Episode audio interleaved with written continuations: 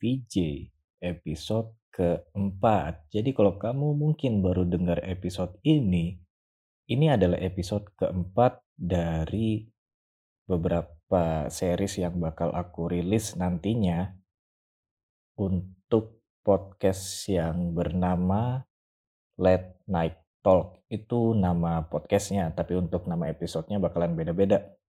Dan di episode keempat kali ini aku bakal bahas tentang body shaming dan body image.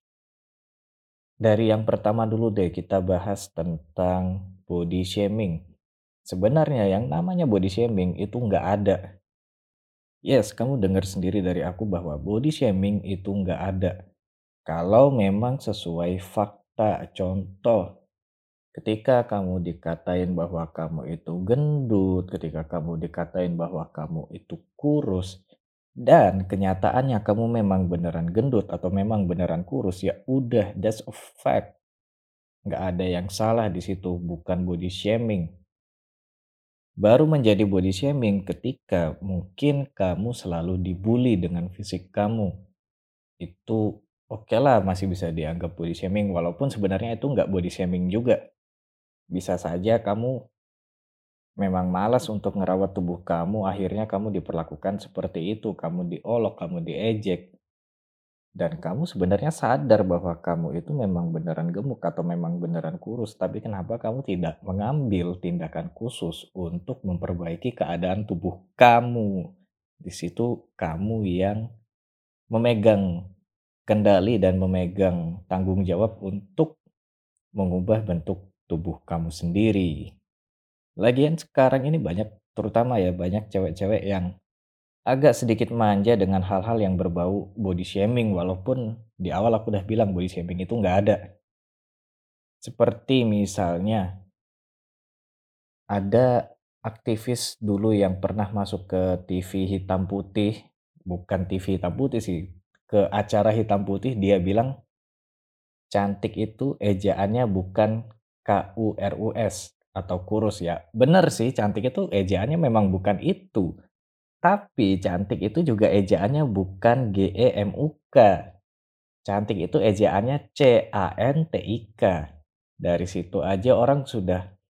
Aku agak sedikit gemas dengan orang-orang yang memelintirkan kata seolah-olah bahwa gemuk itu cantik. Padahal ya gemuk itu gemuk, kurus itu kurus, dan cantik itu cantik. Beda.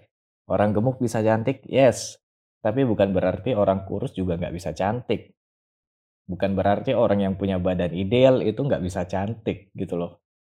Ini yang sering dijadikan alasan untuk berlindung di balik alasan bahwa kamu itu sebenarnya bisa cantik dengan badan yang gemuk ya memang bisa tapi kalau kamu bermalas-malasan dan ada orang yang ngatain kamu gemuk terus kamu tersinggung ya itu bego lah namanya itu di aku sendiri nggak masuk logika jadi ketika ada yang bilang bahwa body shaming itu terlalu berlebihan aku sendiri agak mengernyitkan dahi ya agak heran dengan orang-orang yang seperti itu kenapa kamu tersinggung ketika yang dikatakan oleh orang itu adalah fakta.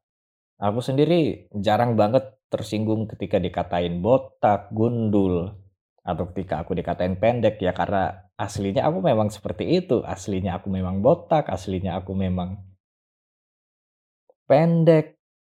Jadi ngapain harus tersinggung gitu loh. Dan beberapa cowok juga kadang mungkin mentalnya cengeng ya. Jadi ketika dikatain seperti itu jadi tersinggung, marah, moodnya jelek. Kalau cewek masih oke okay lah, masih bisa dimaklumin walaupun aku sendiri nggak terlalu setuju.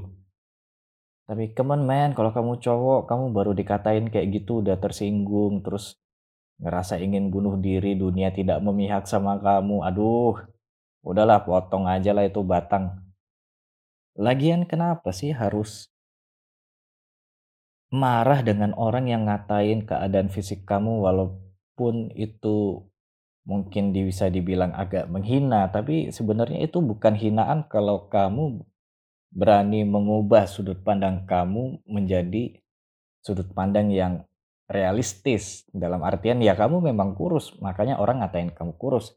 Ya kamu memang gemuk makanya orang ngatain kamu gemuk. Jadi jangan pernah marah jangan pernah tersinggung kalau kamu disuruh olahraga kalau kamu disuruh diet. Bisa jadi orang itu beneran peduli sama kamu karena asal kamu tahu aja orang yang obesitas itu rentan terkena penyakit kronis seperti kanker, serangan jantung, kematian mendadak, itu semua berawal dari obesitas. Kalau kamu lihat kasusnya si Arya itu yang sekarang mungkin udah sedikit berkurang berat badannya, bukan sedikit sih itu udah lumayan dia bisa turun sampai 30 kilo aja udah buat aku sukses banget. Apalagi kalau dibimbing sama Adera ya, dia mantan atlet yang pengetahuannya pasti banyak lah. Bahkan seorang Arya aja yang dulu makan Indomie sehari bisa lima kali, 8 kali. Dari gemuk banget sampai sekarang masih aku bilang gemuk sih, tapi dia berani untuk rajin olahraga, bahkan sekarang kecanduan olahraga. Dan dia merasa jauh lebih baik ketika tubuhnya di keadaan yang sekarang. Bukan di keadaan yang dulu waktu masih di televisi, waktu masih diliput.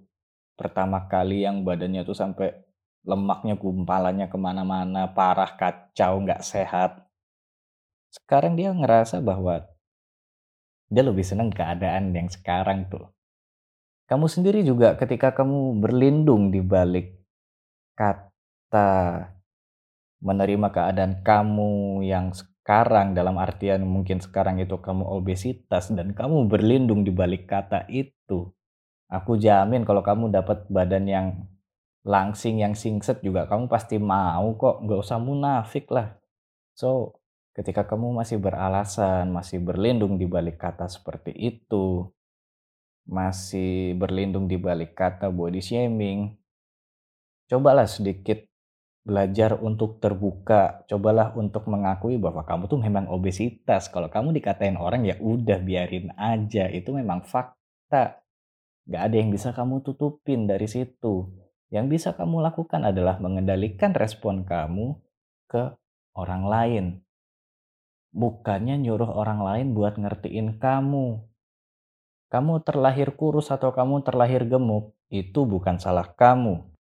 Tapi ketika kamu mati dalam keadaan terlalu kurus atau mati dalam keadaan terlalu gemuk, itu udah jelas-jelas salah kamu. Kenapa kamu nggak bisa menjaga pola makan? Kenapa kamu nggak bisa mengubah pola hidup kamu jadi lebih sehat, jadi lebih fit.